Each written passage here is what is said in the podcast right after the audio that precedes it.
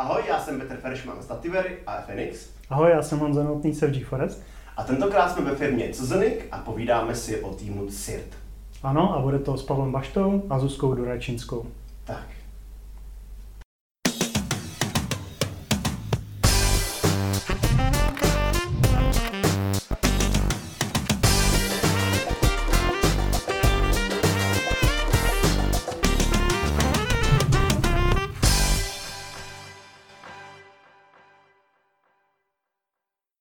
Možná na začátek, jestli se nám představíte řeknete něco málo o tom, co, jaká je vaše role v eh, CERTu, tak bychom řekli něco o tom, co vlastně CERT dělá.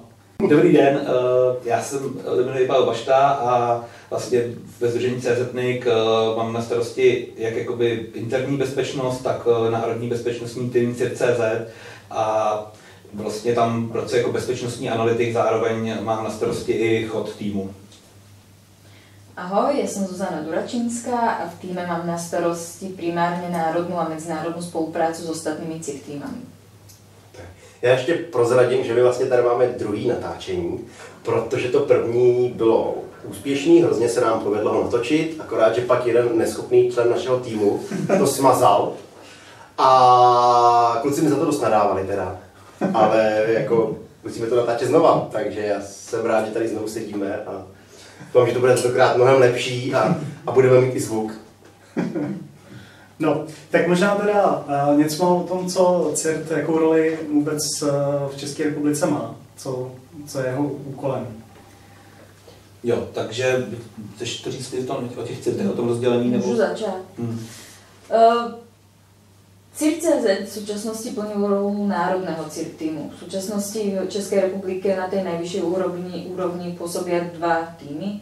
Zákona o kybernetické bezpečnosti, který vlastně definoval, to je vládný tým, který se primárně stará o kritickou infrastrukturu a vládné organizace, instituce. Na druhé straně je to národný CIRT tým, který vlastně úlohu národného CIRT týmu plníme my a našou úlohou je být primárně point of contact alebo ten kontaktný CIRT pro soukromý sektor. Mm-hmm. Já se tady přiznám, že my vlastně od, od začátku jsme měli trošku jinou představu. My jsme mysleli, že vy se nějak aktivně účastníte ochrany některých věcí a tak dále, ale, ale vlastně vy působíte spíš jako poradní a pomocný orgán nebo, nebo společnost. Tak by se to dalo říct. No. Ono vlastně ten uh, národní CIRT, uh, jeho by, jakoby tahl, jakoby jedna z těch, z těch ty jeho důležitý jako body, kterým by se měl zabývat z toho našeho pohledu, jsou kromě toho řešení těch incidentů, kde ale my nemáme tu možnost jakoby něco hm, technicky vyloženě jakoby opravovat, spíš fungujeme jako koordinační, jako, jako, že pomáháme koordinovat to řešení incidentů, tak spíš jakoby naším jakoby, jako úlohou, jaký my vnímáme, je uh, nějaký, nějaká jako prevence, edukace těch uživatelů a takovéhle věci. Vlastně to nám předcházet tomu, aby se vůbec jakoby, ty věci uh, v těch sítích děly, jo, nebo ty problémy, aby nás k ním docházelo. Ono, keď môžem ešte doplniť. Je to pomerne zaujímavé, ako porov, keď my dokážeme porovnať ten národný CIR tým, kde tie výkonné právomoci vlastne nemáme, a interný tým, kde tie výkonné právomoci máme. To znamená, v internom týme dokážeme ovplyvniť priamo chod tých vecí. Či už si to týka neviem, nejakých aktualizácií, alebo v prípade, že je nejaký incident, tak riešime ako nejaké nápravné opatrenia, riešime SMS a podobne, že máme ako priamy, priamy dosah máme výkonné právomoci tej, v rámci tej našej spoločnosti. Pri národnom týme je to skôr taká tá soft power, ale je to hlavne o tom byť e, určitý koordinátor, pomáhať tomu súkromnému sektoru, pomáhať ako koordinovať tú komunikáciu aj so zahraničnými CIR týmami a podobne. Vy jste tady v úvodu, ještě než jsme začali natáčet, tak se dávali příklad z ADSL, to možná by bylo zajímavé zmínit. Mm, uh, takhle vlastně uh, já bych ještě možná, ještě předtím bych možná ještě ale řekl jednu věc o, těch, o tom, že se ty tři týmy jakoby dělí.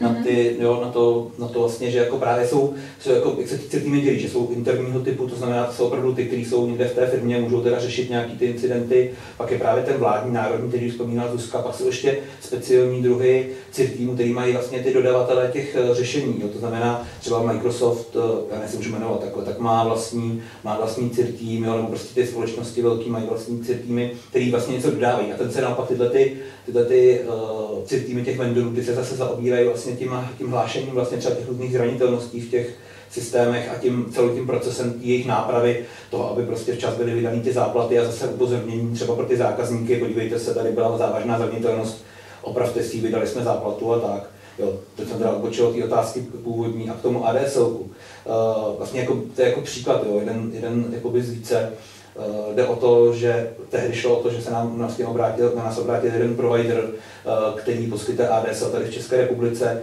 a oznámil nám, že má vlastně problém, že jeho zákazníkům někdo od, jakoby na dálku pomocí nějakého speciálně připraveného paketu uh, odpojuje nebo restartuje modemy stále do kolečka, takže de facto je to takový DOS, kdy oni se nemůžou prostě připojit k internetu. A dal nám tuto informaci eh, s tím, že my jsme se s ním dohodli, že to budeme dál eh, po, pomocí vlastně těch našich eh, kanálů, těch kontaktů, které už máme vlastně udělané v těch dalších firmách, distribuovat dál jakoby tě, do těch společností i s informací o tom, jak se tomu bránit, což je to důležité. On to nechtěl dát jako úplně veřejně, protože to by zase ten útočník věděl, že už třeba ten, že už existuje nějaká obrana, mohl by ten, mohl by ten útok modifikovat. To znamená, jakoby takhle vlastně my jsme to mohli rozšířit do těch dalších sítí. Zároveň jsme vydali nějaký veřejný doporučení nebo jako pro, jakoby zprávičku, ať se na nás obrací i ty provideři, o kterých třeba ještě nevíme, takže ty nás potom taky kontaktovali, ty, kteří měli ten zranitelný modem a zase uh, dostali od nás ten, ten řetězec, který potřeboval to vlastně podle čeho se pak filtroval ten útok. Mm-hmm. A existuje nějaká platforma pro spolupráci těma z těch uh, CER týmů, nebo je to jenom o nějakým registru, že tím, že jste uvedeni jako kontaktní místo, tak přirozeně nějaký tok informací tam díky tomu vzniká, nebo je nějaký to jakoby aktivnější konference mm. a nějaký mez... V současnosti v podstatě existují dvě mezinárodné organizace, které združují ty CIR týmy a které jim poskytují členstvo.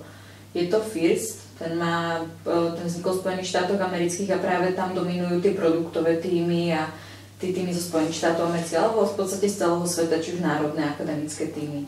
Je to skôr ako komerčne, komerčne zameraná organizácia. Na druhej strane skôr ten regionálnejší charakter v Európe má TFC CERT, ktorý v súčasnosti má cez 250 členov. Z Českej republiky tam máme 25 CIR týmov čo je najviac vlastne z Európy. Myslím, že podobne má ešte Francúzsko a Nemecko, takže sme, mm-hmm. sme ako fakt na špičke.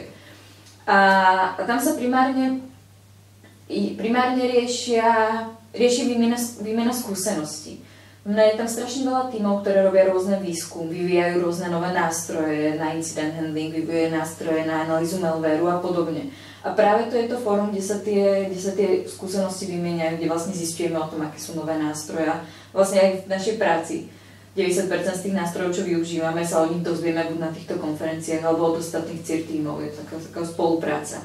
A čo je zaujímavé, že zároveň, že tie dve organizácie pôsobia ako taký, aby sa povedať, taký auditory tých tímov, pretože v súčasnosti neexistuje nič iné kde by sme dokázali overiť prácu toho týmu. To aby sme sa napríklad stali členmi FIRSTu, čo sme minulý rok ako podstúpili tento proces, Trvalo to niekoľko mesiacov, bo museli sme mať site visit, ktorý, ktorý vlastne revidoval proces incident handlingu, proces vzdelávania zamestnancov CIRTu, proces financovania CIRTu, či máme vlastne financie na to, aby sme pokračovali v tom, čo robíme, ako máme zabezpečené fyzické priestory a podobne. To znamená potom, keď prídete na tú stránku a vidíte tam tých členov, tak viete, že každý jeden ten člen musel prejsť tým konkrétnym procesom. Takže je to určitá forma aj toho auditu.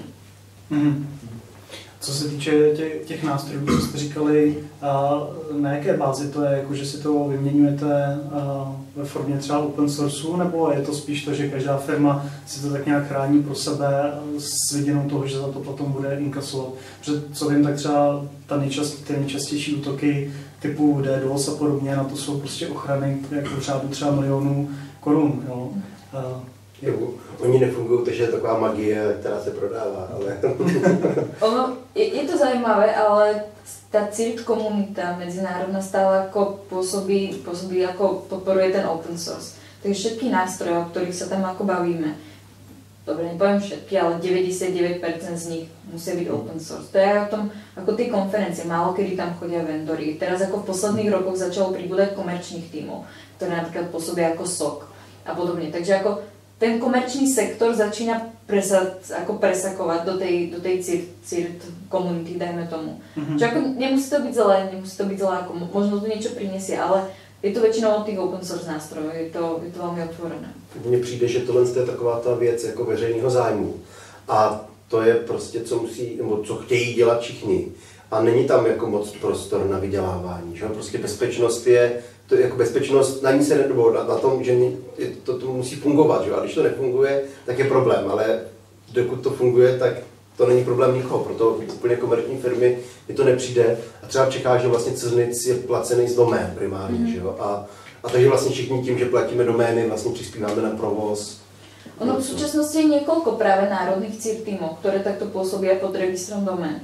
Výborný tým, ako sú Rakúšania, rovnako pod registrom a akademickým sektorom je Polsko a treba si uvedomiť, že väčšina tých veľkých národných tímov, ktoré sú aj dnes veľmi aktívne, tak zišli z akademického sektoru. To je to, je, to isté vlastne aj CZ. Najprv to provozovalo Združení cestné, neskôr to prešlo vlastne pod CZ.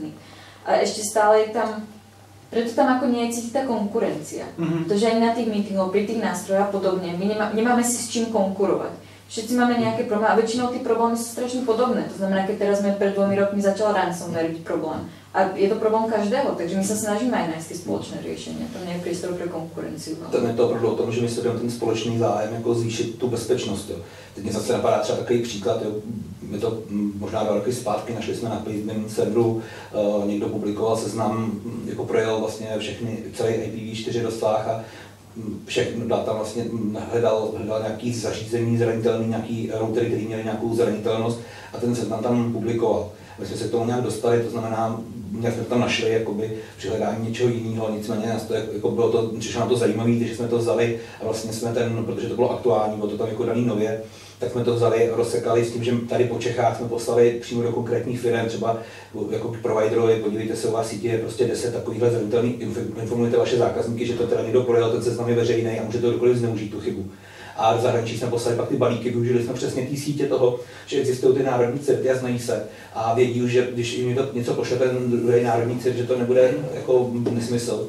Jo, ta zranitelnost fungovala. Jo, a poslali jsme to prostě jim a oni, oni to zase distribuovali v té svý zemi. My jsme jim poslali všechno celý balík třeba prostě do Francie, podívejte se, tady máte seznam všech jakoby IP, který patří k vám a jestli chcete, rozdistribujte to do těch sítí, ať si ty provajdři zase upozorní ty svoje zákazníky. Jo. Takže, takže tam je opravdu spíš ten zájem jako společně. A obráceně zase nám chodí takovýhle věci, chodí nám prostě seznamy, když někdo dělá nějaký skem nebo se dostane takový domů seznamu a podobně, tak to vlastně se potom zase dostává k nám. Jo i ta komunita vlastně těch církví pak funguje opravdu tak, že třeba na ty, na ty setkání právě třeba vím, že jsem dorazil jednou, jednou takhle, že se tam právě řešilo, že to byl, že se tam přidal jakoby někdo, kdo dělal nějaký výzkum, při tom výzkumu přišel na nějaký zranitelný zařízení a přes, přes ty týmy to vlastně využil tu síť a vlastně dostal tu informaci do těch koncových sítí. Zase podívejte se, máte tady nějaký zranitelný servery, dřív předtím, než to publikoval, že potom tom publikoval něco o tom výzkumu, ale dopředu jako dal vidět do těch sítí, teda, že tam je nějaký problém. Takže Mm-hmm.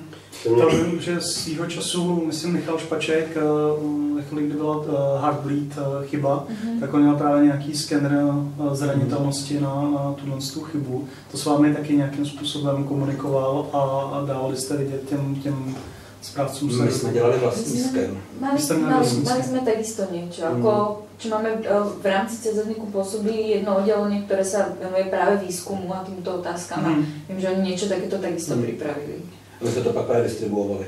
Jasně. A v této souvislosti jsme nedávno s Romanem Kýmlem řešili vlastně hmm. podobnou věc ohledně chyby v PHP uh, session, a on s vámi vlastně tohle to taky koordinoval hmm. a, a dávali jste to vědět. Teda, vy jste taky dělali nějakým způsobem nějaký uh, scan těch, uh, těch, to těch zranitelností? Ta, ta spolupráce prebiehala, prebiehala Takže jsme vlastně vytvorili zoznam najväčších hostingových spoločností v České republike. Bylo to okolo 100 spoločností, které poskytují hosting a všetkých jsme jich um, informovali o tom, že je tu taká, taká zraniteľnosť, hovorili sme konkrétne a ponúkli sme im bezplatnú možnosť nechať sa otestovať, mm-hmm. že sú zraniteľní.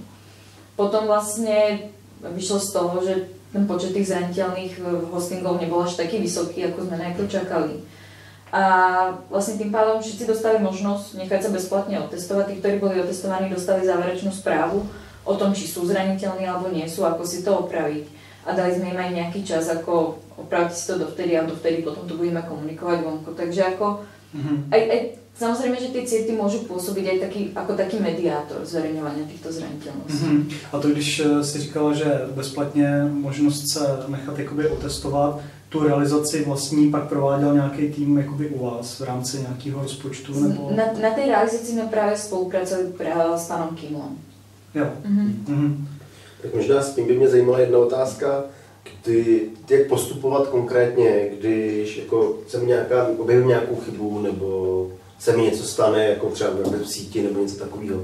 To jak nahlašovat chyby, jak postupovat, co pro to udělat. Jako.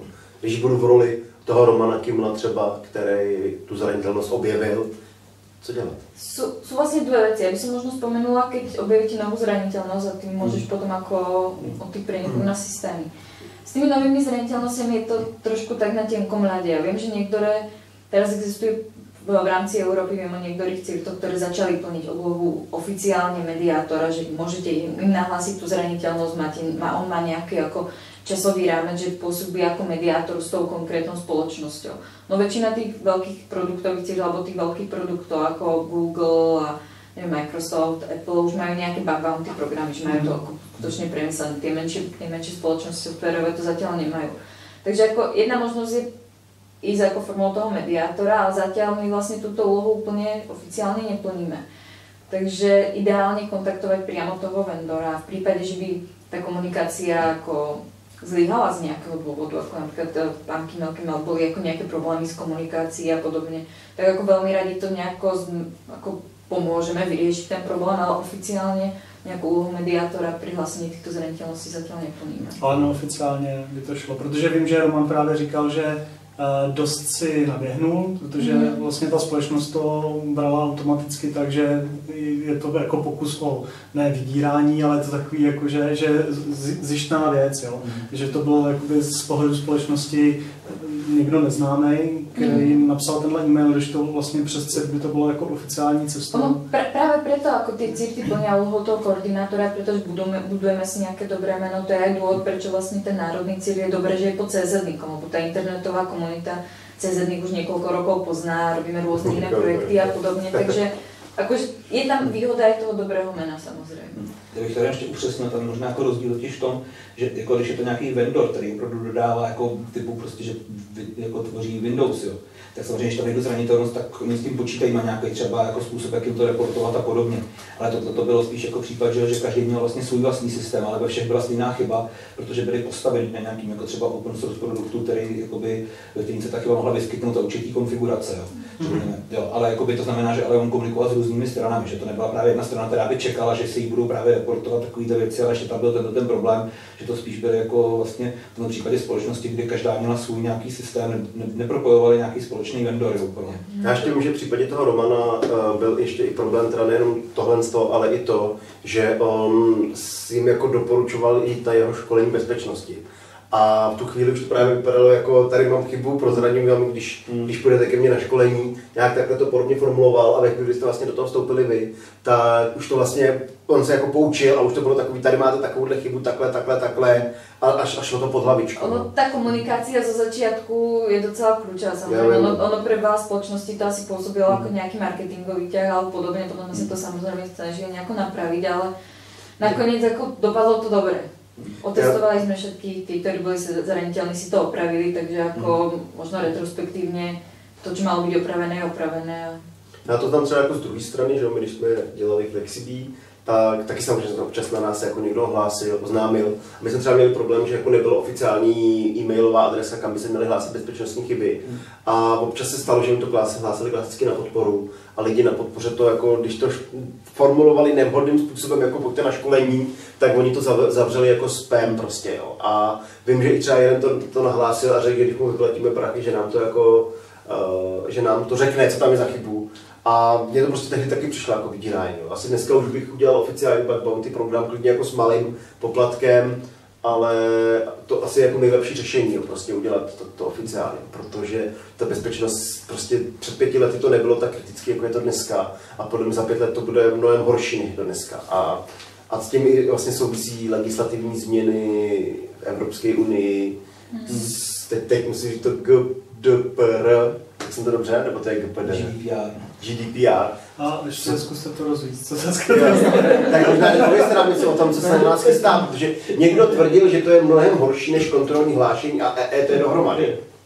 Takhle, asi úplně nesouvisí jako se já to jako obecně, to se to bude týkat v podstatě jakoby všech firm a je to spíš jakoby nějaká regulace, která se týká ochrany osobních uh, údajů a citlivých údajů a podobně. To znamená, bude, bude jakoby, vznikne, nebo vznikla nějaká směrnice, která teda říká, jakým způsobem by se s těmi, s těmi daty mělo nakládat. Jo, to znamená, na té úrovni toho státu bude vždycky nějaký, řekněme, regulátor, nebo nevím, jak to přesně nazvat, úřad, který bude dohlížet na to, aby to, aby to vlastně probíhalo, aby, aby, to, aby to prostě fungovalo tak, jak má. Ty společnosti budou mít uh, povinnost hlásit, pak, když u nich dojde k tomu úniku dat, tak tomuhle tomu, uh, tomuhle tomu úřadu a myslím si, že i těm koncovým, nebo těm uživatelům, kterých se to bude týkat, to znamená, i ty by se měli dozvědět o tom, že teda jejich data jsou někde, jako že se dostala někam mimo, mimo prostě uh, to, kde by se měla zpracovat u, toho, u, u té společnosti.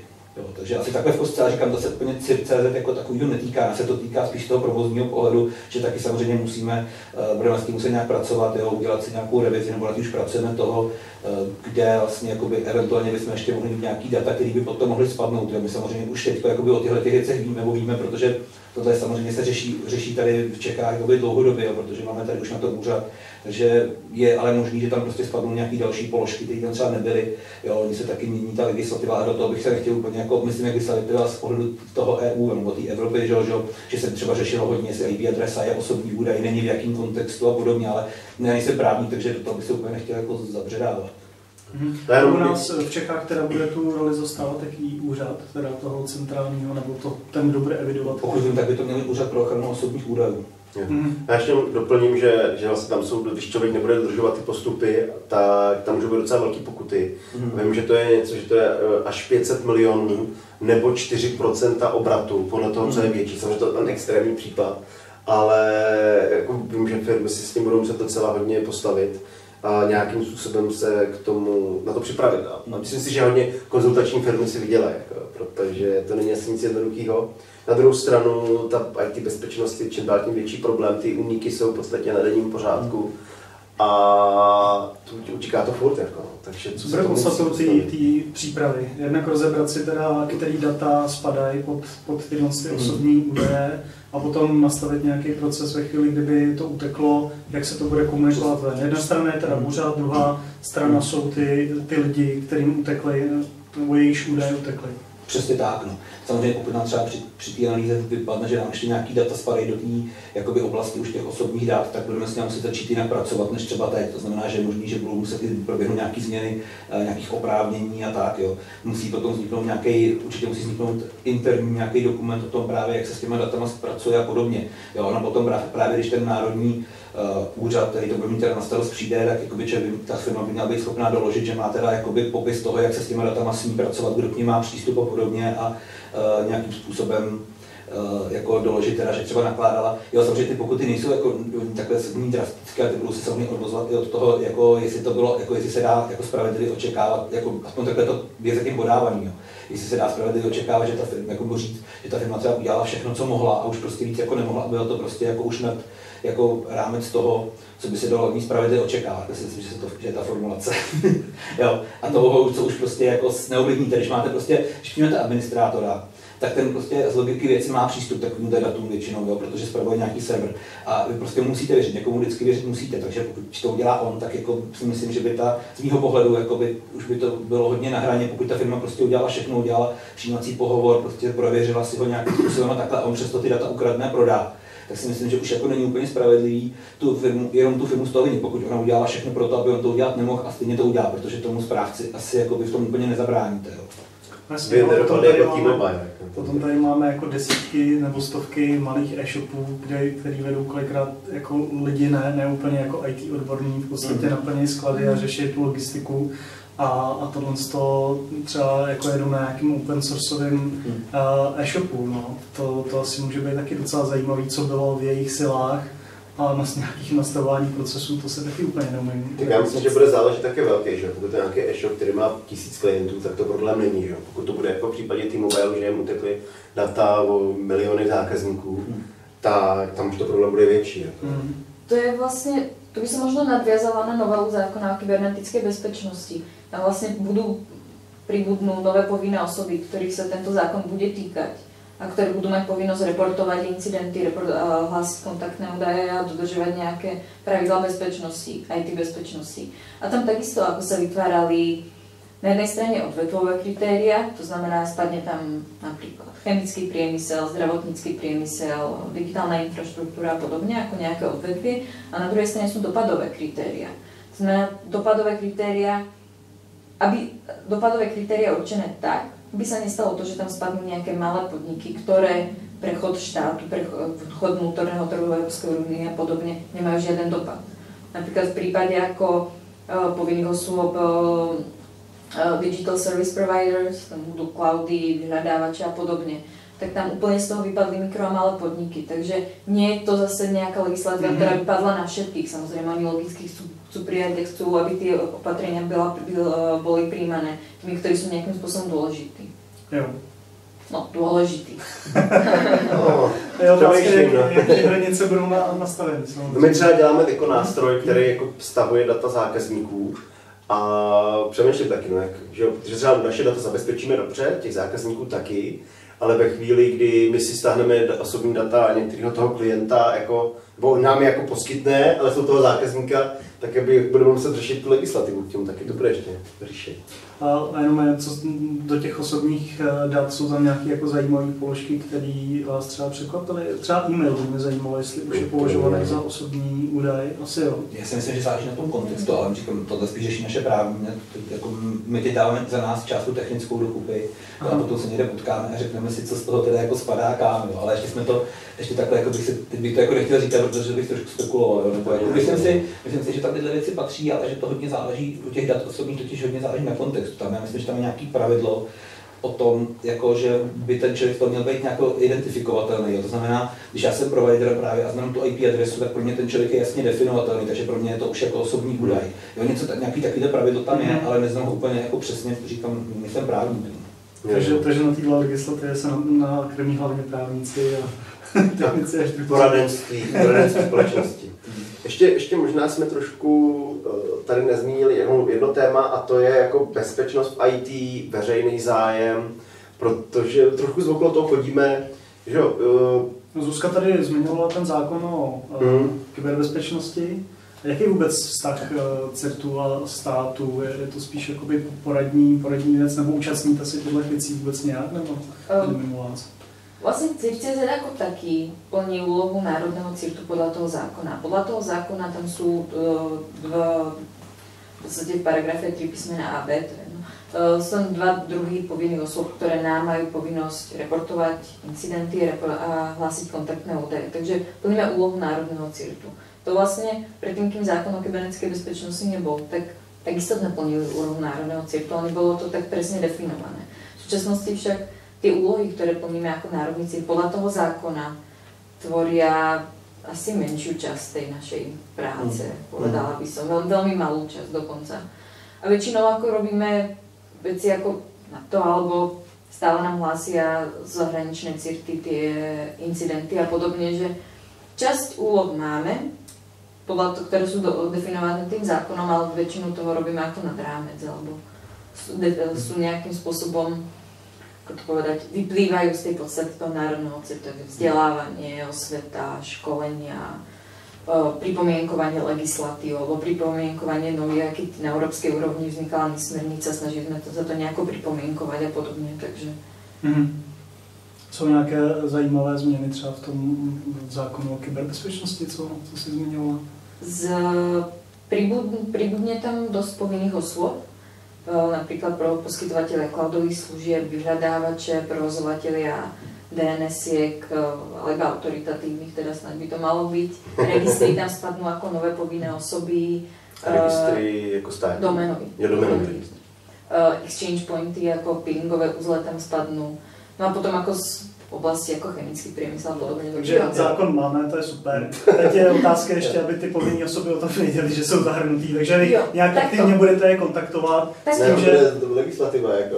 Čas, čas no. povinných osôb bude určovať aj doteraz vlastne, ako to bolo pri kritickej infraštruktúre, že to určoval Národný bezpečnostný úrad. Mm-hmm. A druhá časť povinných osôb sa budú musieť identifikovať sami. To, čo v minulom, teda v súčasnom zákone chýbalo, bola nejaká väčšia kontrola a sankcie. To neviem, či chýbalo, proste to tam nebolo. V súčasnosti aj pre tie osoby, ktoré sa budú musieť identifikovať sami. My samozrejme sa budeme snažiť informovať o tom, aké osoby to sú, čo by mali splnené a tak ďalej. Ono stále to nie je úplne jasné. Pretože tá smernica to nedefinuje presne a teraz je na tých národných legislatívach, aby presne definovala, čo je to napríklad poskytovateľ cloudových služieb. To môže byť aj Mhm. hoci kto. To, čo je to vyhľadávač, čo je to konkrétne vyhľadávač a tak ďalej. Takže budeme sa samozrejme snažiť informovať verejnosť o tom, kto by tam mal spadnúť a tak ďalej a musia sa učiť sami. No a ta identifikace, tak jelikož to jsou nějaké právnické osoby, tak identifikace jasná v rejstříku jsou jednotlivé tam první věci, ale tam jde o techniky předpokládám. Že oni, oni řeknou, eh, ty, ty společnosti řeknou, že tu technickou část u nás řeší tady Franta Vomáčka, tady je na něj e-mail, tady, tady je na něj telefon, aby, aby byla ta, ta rychlá reakce v případě nějakých... Malo by to tak byť. Tak, no. No. Jo, tak už tomu rozumím, děkuju. Ono je to ako, určite tomu presne nerozumiete, lebo to ani my, ani nikto iný tomu zatiaľ nerozumie, ale dúfajme, že o pár rokov to bude Však to je-. No. To je princip legislativy, že jo? To je jako se teď ty, jak bylo EET, poměrně docela jednoduchý, ale teď se dozvěděli ty, uh, si vzpomenu, květinářky, že patří do EET a že už týden, to se dozvěděli 7. března, nebo někdy taky, že už týden berou EET. Hmm. Protože oni si do té doby mysleli, že jsou výroba, ale oni nejsou výroba, oni jsou jenom přeprodej. Aha. Ono, celá tá oblasť kybernetickej bezpečnosti je pomerne nová, preto ako v posledných rokoch strašne veľa tímov vzniká, preto vlastne máme novú legislatívu a tak. A, takže presne to úplne nie je, čo je to CIR, ako nie je presne definované, čo všetko by malo byť úlohou CIR tímu. To je, to je na tých CIR tímoch a na tých providerov, aby si to vlastne určili. Mhm. Já si myslím, Děkuji. Zeptám se, tady už několikrát padlo, že v Čechách na tom nejsme tak zle, co se týče počtu třeba CIR týmů, nebo i to, že máme nějakou legislativu a že řada dalších zemí Evropské unie třeba tu legislativu nemá. Jako dalo by se říct, že i ta úroveň u nás je lepší než jinde, nebo jenom to takový, že máme rádi zákony a rádi se združujeme? V jakém smyslu? Jakoby obecně toho? Jako povědomí, i co se týče třeba počtu těch, těch incidentů, který třeba tady monitorujete v porovnání s ostatníma státama. Je jasný, že vždycky je to záležitost taky toho zá- zá- zájmu, nebo toho, co chráníme. Jo. Že třeba u nás není nic tolik zajímavého, tak možná nejsme tím cílem, ale jestli... To se asi dá těžko říct. Jako, No, já bych řekl, že nejsme cílem. Já myslím, že jsme cílem Česko. Že? Stačí se jenom podívat, že v celé Evropě je v Česku největší ambasáda ruská. Jo. Takže jsme cílem, nejsme cílem. Já, já si myslím, že, že každá ta země je takhle. A hlavně jde o to, že před pár lety prostě ta, ta, ta bezpečnost nebyla takový problém, jako je dneska. Že dneska prostě čím dál tím víc, ale je to takový to skrytý, že, že, že na začátku jsou ty early adopters, který, kde, kde jako je to všechno slyšet, a teď už na to prostě přechází masy na všechno elektronického a teď konc prostě ty útoky prostě mají reálně obrovský dopady, jenom ransomware, kolik na tom vydělávají peněz. Řešili jste v poslední době nějaký zajímavý, zajímavý věci, co se týče nějakých útoků v Čechách, nebo kde jste byli jako poradní a už se to dá zveřejnit? to musím zamyslet teda. Nevadí, my to- tak vystřihneme. Jo, dobře, tak jo, protože teď si fakt takhle z hlavy to je těžký jako, jako říct, jo. Ono, jako zajímavého, o čem bychom mohli... Třeba co se týče nějakého ransomwareu, nebo byly, byly třeba nějaký známý napadení tady v Čechách? Tak eh, s ransomwarem se určitě potkáváme, to jako, to jako jo, jo, vlastně jako obrací se na nás eh, většinou ty uživatelé žádosti o nějakou jako obecnou radu, protože tady jako je každá rada drahá, co si budeme povídat. A, To drahá doslova. ale jako zajímavý, jak se vyvíjí třeba ty způsoby toho napadení, no, že už to není jenom to hloupý poslání tím e-mailem, že jo, a spolehání na to, že to ten uživatel otevře, ale že postupně jako eh, oni hledají stále nové, nové cesty, takže jsme se setkali třeba s tím, že přes webovou aplikaci vlastně byl napadený Linuxový server, kam ten útočník, který dostal ten svůj ransomware, tak tam spustil zprávy toho, eh, toho uživatele, pod kterým běžel ten server. Bohužel na ten server zároveň nahrávali prostě jakoby nějaký obchodníci nebo někdo eh, z té společnosti na dálku nějaké důležité dokumenty, ty byly tím pádem zašifrovány. No a nakonec ta společnost vlastně zaplatila, zaplatila to výkupný, protože to prostě potřebovala ty data a nejsmutnější na tom případu bylo, že asi tři dny poté, co to zaplatili, tak se objevilo, tak, tak zrovna u tohohle ransomwareu unikl klíč, takže bylo možné to jako dešifrovat. No. Mhm. Jo, takže Zamrzí. to jo, no. Jinak se pořád jako oni stále hledají nový, nový způsoby, takže ty, ty se jakoby nemění, já nevím, je to prostě přesto, že využívají nějaký zranitelnosti, že v těch systémech třeba přes webové stránky typicky, jo. Eh, o tom, my tady máme vlastně úplně, o tom bychom mohli potom, ještě se podíváme tady jako systém, který tyhle stránky hledáme, nebo který, který ty uživatelé, ty držitele těch domenových men uh, upozorňujeme, že třeba z jejich stránek se šíří nějaký malware, jo.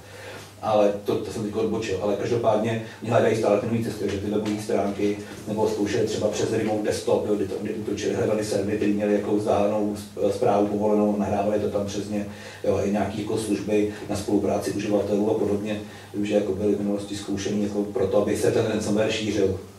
Mm-hmm. So. Mě by ještě zajímalo, jestli máte nějaký příklady zajímavý třeba s tajnými službama nebo nějaký další věci, protože to je takový dneska hodně aktuální.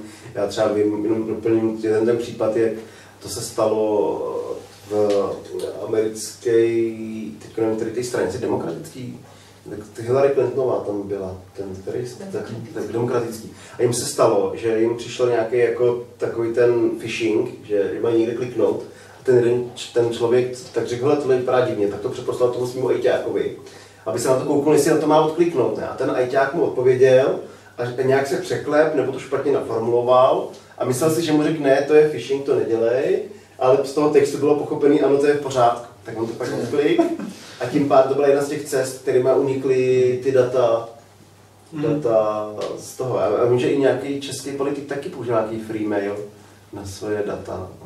Tak máte nějaký příklady, taky zajímavý. Asi v tomhle směru ne. to je škoda, protože to je to nejzajímavější. Jasně, rozumím, no. Já jako, to asi, asi, asi jako nemáme tady v tomhle směru. Jako my tímhle službama nespolupracujeme, ale spolupracujeme třeba s Českou policií jako na řešení některých konkrétních chaos, to znamená uh, buď jakoby třeba, že nás požádají o nějakou, o nějakou konzultaci, nebo třeba na, jakoby, nebo jsme třeba i analyzovali nějaký data, jo, nějaký, nějaký zvalek dat, aby jsme k tomu jakoby, řekli teda, co, co si o tom myslíme, co, tam, co se tam nejspíš odehrálo a podobně, jo, nebo jsme, nebo často nás využijí jako třeba když, se když je třeba nějaká phishingová stránka někde v zahraničí, tak vlastně my potom zařizujeme to, aby ji tam teda na té druhé straně, uh, aby vlastně ji smazali, aby ji odstranili, jo, tak takovéhle věci, jo, že jsme řešili třeba nějaký platební karty, které byly někde na nějaký server zahraničí jako k dispozici, jo, nějaký, nějaký ukradený, takže to taky se na nás policie obrátila, my jsme vlastně zařizovali, aby se ty servery vyply, takže takovéhle věci, jo, ale jako tajní služby to ne. Jak dlouho trvá obvykle, když se takhle někdo objeví nějakou phishingovou stránku, než se vypne, jako když to takhle komunikujete, čím, čím jsou jako zádrhely, pro, jak to dlouho trvá, proč to tak trvá? No, jakoby obecně, myslím, že to můžeme říct i z toho, nemáme, my nemáme jako tvrdý data, že bychom to mohli úplně, to spíš takový, to, jak tím člověk pracuje roky, tak, tak jako ma, m, vidí, jako čemu, čemu chodí nejvíc. Jo. Tak jako bych řekl, že oni ty útočníci často se snaží třeba ty phishingové stránky nahodit jakoby v jiný zemi, než uh, kde jako dělají ten útok. Jo. To znamená, jakoby ta, myslím si, že jedním z těch důvodů je třeba ten časový posun, jo, protože my často řešíme třeba tady v Čechách phishingové stránky na banky z Jižní Ameriky, jo, to nám chodí poměrně často. Jo, to, nebo nevím, myslím si, že stále chodí, jako, když teď už ten incident hned jako běžně nevidím, ale jako pokud jsem to dělal, tak opravdu to chodilo jako, hm, bych řekl, skoro každý den. Jo a tam byly právě i ty různé jako vychytávky, jako že ten útočník, když mohl, tak zablokoval třeba přístup k té eh, stránce nebo tomu phishingu z jiných IPček, než, než, vlastně, než z jiných IP adres, než, byli v tý, než patřili do té země v té Jižní Americe. Takže ty uživatelé se vlastně na ten server dostali z té země, na který byl ten phishing jako mířený. A tady vlastně, když to třeba dorazilo tomu správci, tak on pokud jako nešel přímo na ten server, nepodíval se, co má v té adresáři struktuře, jenom klepnul prostě na ten odkaz, tak tam vlastně neviděl nic, že? to třeba zaignoroval, nechal to být a pak se to vlastně dostalo, vyeskalovalo k nám a my jsme mhm. teda potom jako třeba vysvětlili jako tu situaci, že, že to není tak, že by tam nic nebylo, ale že prostě je potřeba použít třeba nějaký procesor v té zemi, eh, na který se ten dotýká, pak je vidět, že tady na tom serveru v Čechách teda opravdu je, jakoby ta, eh, je ta phishingová stránka. Ale ono obecně ten phishing je poměrně rychle jako odstraněný, jak mm. českými hostými. Co znamená třeba rychle jako hodina? Pár hodín, priebehu pár, pár hodín. Mm, je to stále priebehu pár hodín, pretože oni takisto nemajú záujem ostvať niečo také, pretože by sa dostali na blacklisty. Mm-hmm. a potom by to ako museli pomerne dlho riešiť. A druhá vec je, ono to sú vlastne verejne dostupné štatistiky Google.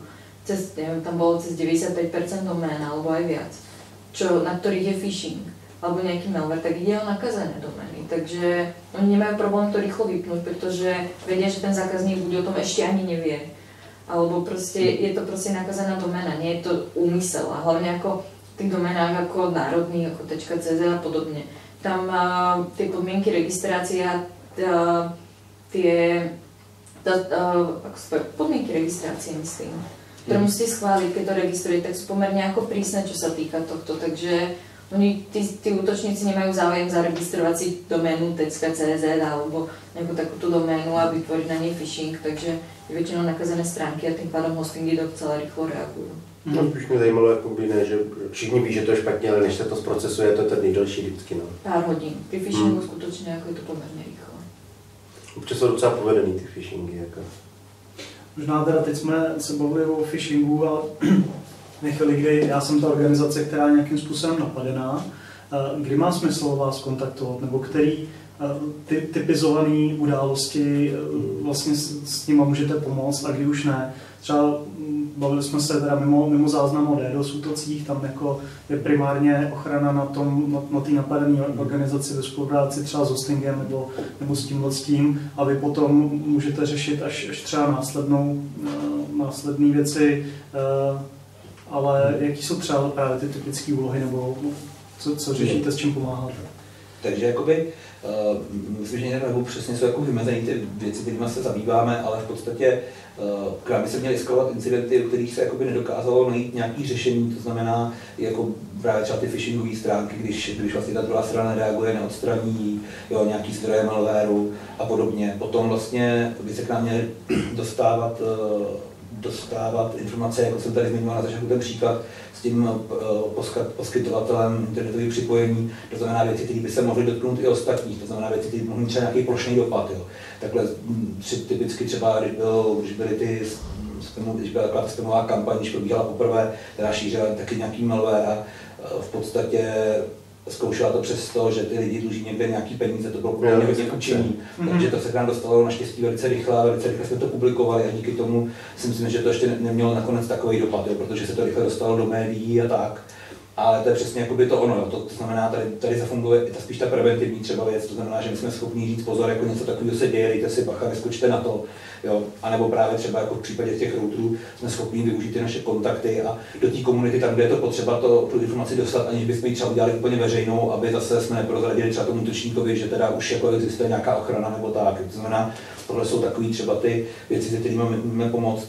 Eh, ohledně těch DDoS útoků třeba jako obecně eh, samozřejmě je dobrý řešit i tu příčinu, to znamená, když nám potom pošle ta, ta strana, která byla pod tím útokem, třeba se znam IP adres, který ten útok šel, a není to teda samozřejmě nějaký UDP, jako kde těžko jako nějaký UDP, kde ty IP adresy budou na 99,9% pod, podvržený, tak tam, kde jakoby se dá říct, že to asi jakoby opravdu byla ta IP adresa, tak tam my se můžeme pokus, jakoby potom ty data distribuujeme zase do těch zemí, jak jsem říkal, že ten kas, ta kaskáda, to znamená, po Čechách to pošlem těm providerům, podívejte se tady ty vaše IP adresy, se podílejí na tom DDoS útoku, dejte to třeba vědět těm majitelům těch počítačů nebo těch IP adres, tím, co to mají přiřazený, protože pravděpodobně teda mají na počítači nějaký malware nebo něco a do zahraničí zase stejnou, ze stejnou informací pošlete to svým providerům, jako jestli to, ať to svým zákazníkům dají vědět. Jo. Tohle se děje všechno jako uh, mailem, nebo je nějaký jako standardní třeba vý, vý formáty pro výměnu, to prostě mailu a v textu? Většinou mailem. To, to musí být náročný. tak samozřejmě to, jaký automatiz, jako si vyvíjíme jako svých vlastních nástrojů a máme i právě jako na automatizaci tady těch věcí, takže, takže není to tak, že by tam někdo otrocky celý den. a pak to kopíroval zpátky od těch, co přijdou od ostatní a dohledával, komu to patří a to protože to si člověk představí, v tom je hrozná dřina. No, jako. Ono, když je tam veľa IP adres, jako Pavel hovoril, máme nějaké vlastně také poloautomatizované Jo, že on to automaticky pošle těm jednotlivým hmm. poskytovatelům podle toho, komu to patří. A, a u nich to už automaticky hmm. zase. ono, my jsme v podstatě uvědli, je to asi dva roky dozadu, čo jsme uh, nasadili formulár na hlásení incidentů na náš web. Ale stále je to 99% vyhlásený mailom. Jako. Že ten formulár napriek tomu, že je pomerne volný a môžu si to upravit, tak eh, nie je až tak využívaný. No, tak on spíš je to takový, že ty lidi už hledají ten mail, protože je to standardní formát no, pro ohlášení těch problémů, mm. jako všude. No. Tak jo, tak možná uh, už se přece jenom uh, nějaký čas máme obtočený, tak aby jsme spěli k nějakému závěru, uh, tak na takovou filozofickou notu. Co si myslíte, že jsou aktuálně ty největší hrozby internetu a co nás blízké budoucnosti asi může, může čekat? Tak uh, Jo. no. máš odborný názor? Já si myslím, že hodně poroste třeba ten ransomware, protože tam to je jako podle mě pro toho útočníka poměrně malý jako risk a uh, poměrně velká jako jistota zisku, protože pokud se mu prostě podaří zašifrovat nějaký citlivý data a ty uživatelé nemají zálohy, jak ukazuje praxe, taky často nemají ani tam době člověk čekal, že budou mít, tak to, tak uh, potom samozřejmě to, jako on ví, že ty peníze mu, jako, že je dostane. Jo na rozdíl od nějakých phishingových útoků a podobně, když prostě dneska i ty banky s tím počítají, tak obrana je čím dál tím jako sofistikovanější a oni dokážou třeba, často se mi stává, že někdo vypráví, jak prostě najednou přišel jako podez, že, že mu volali z banky, že nějaká podezřelá transakce, no, buď, jo, buď protože byl třeba zrovna v zahraničí, nebo opravdu, že třeba jsem jako slyšel, že prostě člověk jako se jako někdo skopíroval kartu, nebo se dostal do účtu a podobně. A to znamená, tady na této straně už ta obrana asi dost roste, když to ten ransomware je takový jako jednoduchý na distribuci, nejlepší to pošlu tím mailem s nějakou dobrou historku, aby si to ty lidi nainstalovali sami. Jo. A nebo využiju teda nějaký jako sofistikovanější cesty k tomu jeho šíření a, a zároveň jako je to za současný, současné době, pokud ten, kdo to programuje, neudělá nějakou chybu, jako, tak je to v podstatě jako nějakým způsobem, jako rozumným způsobem neprolomitelný. Jo. To znamená, ty lidé prostě, pokud jsou ty data důležitý, tak nezbývá než zaplatit. No a druhá věc, jako, co si myslím, tak takový ty jako různý zařízení, takový ty jednoučelové krabičky, co dneska mám to chytrý, jak se tomu říká, internet věcí a takhle, takový ten trošku buzzword, tak každopádně jakoby tohle, no, tohle si myslím, že ta druhá věc, protože sami víme, jak vypadal Mirai, to jako se, jakoby botnetu Mirai a podobně, no, takže to si myslím, že to bude jaký narůstat, protože ty eh, těchto těch věcí doma nezabezpečených, takových těch, co mají lidi v sítích, je, je obrovský množství dneska už a, a ta bezpečnost není jako moc dobrá, je u těch různých kamer a tak, takže to bude, bude víc, protože vím, že snad nějaký útok dělali žárovky. Jo, že někde, že, že, že někde prostě žárovky, jako nebo si kamery, kamery No teď jsou kamery, že zrovna teď nedávno řešil někdo, že měl asi 6 tisíc uh, adres s kamerama, které nebyly zabezpečený a, a prostě řešil, kdo je, kde, kde jsou, aby jako ty lidi za, za, za, zabezpečili. No. Pokrývá vůbec nějaká legislativa výrobce z těch IoT zařízení, protože to si, že prostě tady vzniká jako... legislativa na to, když tobě utečou personální hmm. údaje, ale teď si vezme, že jako fakt jako pravidný zabezpečení teď, teď nedávno, mám ten dojem, to bylo u harddisku, to bylo myslím Western Digital, že ve chvíli, že oni dělají kromě harddisku i zálohovací software. A tam byly prostě úplně primitivní chyby e, typu, že si do requestu musel mít teda otevřený webový rozhraní a že si tam přidáš prostě nějaký headry nebo kukiny a, a, dostal se prostě dál, jo. Takovýhle fakt jako triviality tam no, jsou aktualizace, typický prostě problém je, ty zařízení neaktualizují, prostě jednou prodaj pak už na to nikdo nešáhne. To si myslím, že to je problém, že ty výrobce netrápí bezpečnost, že? No, trápí ty uživatele a pomalu se totiž, jako, a ty uživatele to dneska taky v podstatě netrápí, nebo ty, ty firmy, protože to, ta legislativa to teprve teď jako zpřísňuje, že, že třeba te, tehdy, dneska, když mi někdo ukradl data, tak já jsem v podstatě nemusel skoro nic, jako jo a teď už budu muset. Jako. Tak ono to ty firmy asi trápilo předtím, protože jako furt je to no. poškození nějakého jména a tak. Jo. No tak pro ně, mě to trápilo, aby se to nedostalo ven, že jo. Když to teď všem to bude přikazovat legislativa a pokud to jako ne, ne, ne, neudělají, tak vlastně poruší zákon. Teď jenom jako když to třeba bude osobní údaj a teď definice, co je osobní údaj, jo, to prostě třeba username a heslo není úplně, nebo nemusel být úplně jako osobní údaj, ale prostě Mění se to jako. Ale myslím si, že ten dopad je daleko jako menší, to, že uteče teda jako osobní údaje, to sice není, není nic hezkýho, ale když na tebe začnou útočit kamery z celé Evropy, kde vlastně, že teď ne, ne, nejčastější ochranu proti DDoSu je, že se zablokuje hmm. zahraničí nebo útočící země, ale ty kamery prostě jako jsou, jsou hmm. všude, no, to je rozprostřený a, a je to je. hodně. Nedostupné se mé služby zapříčinily hodinky. Bylo jich dva miliony. Ještě teda bylo zajímavý, uh, nemenoval si uh, takovou věc, jako je šíření fám po internetu. No, to, to, mě, vlastně to, co jsi zmiňoval, jsou takové jako technické věci. S tím já... si myslím, že jako se dá nějakým způsobem bojovat, algoritmizovat nebo, nebo něco upravit, ale ty, ty fámy a podobné věci.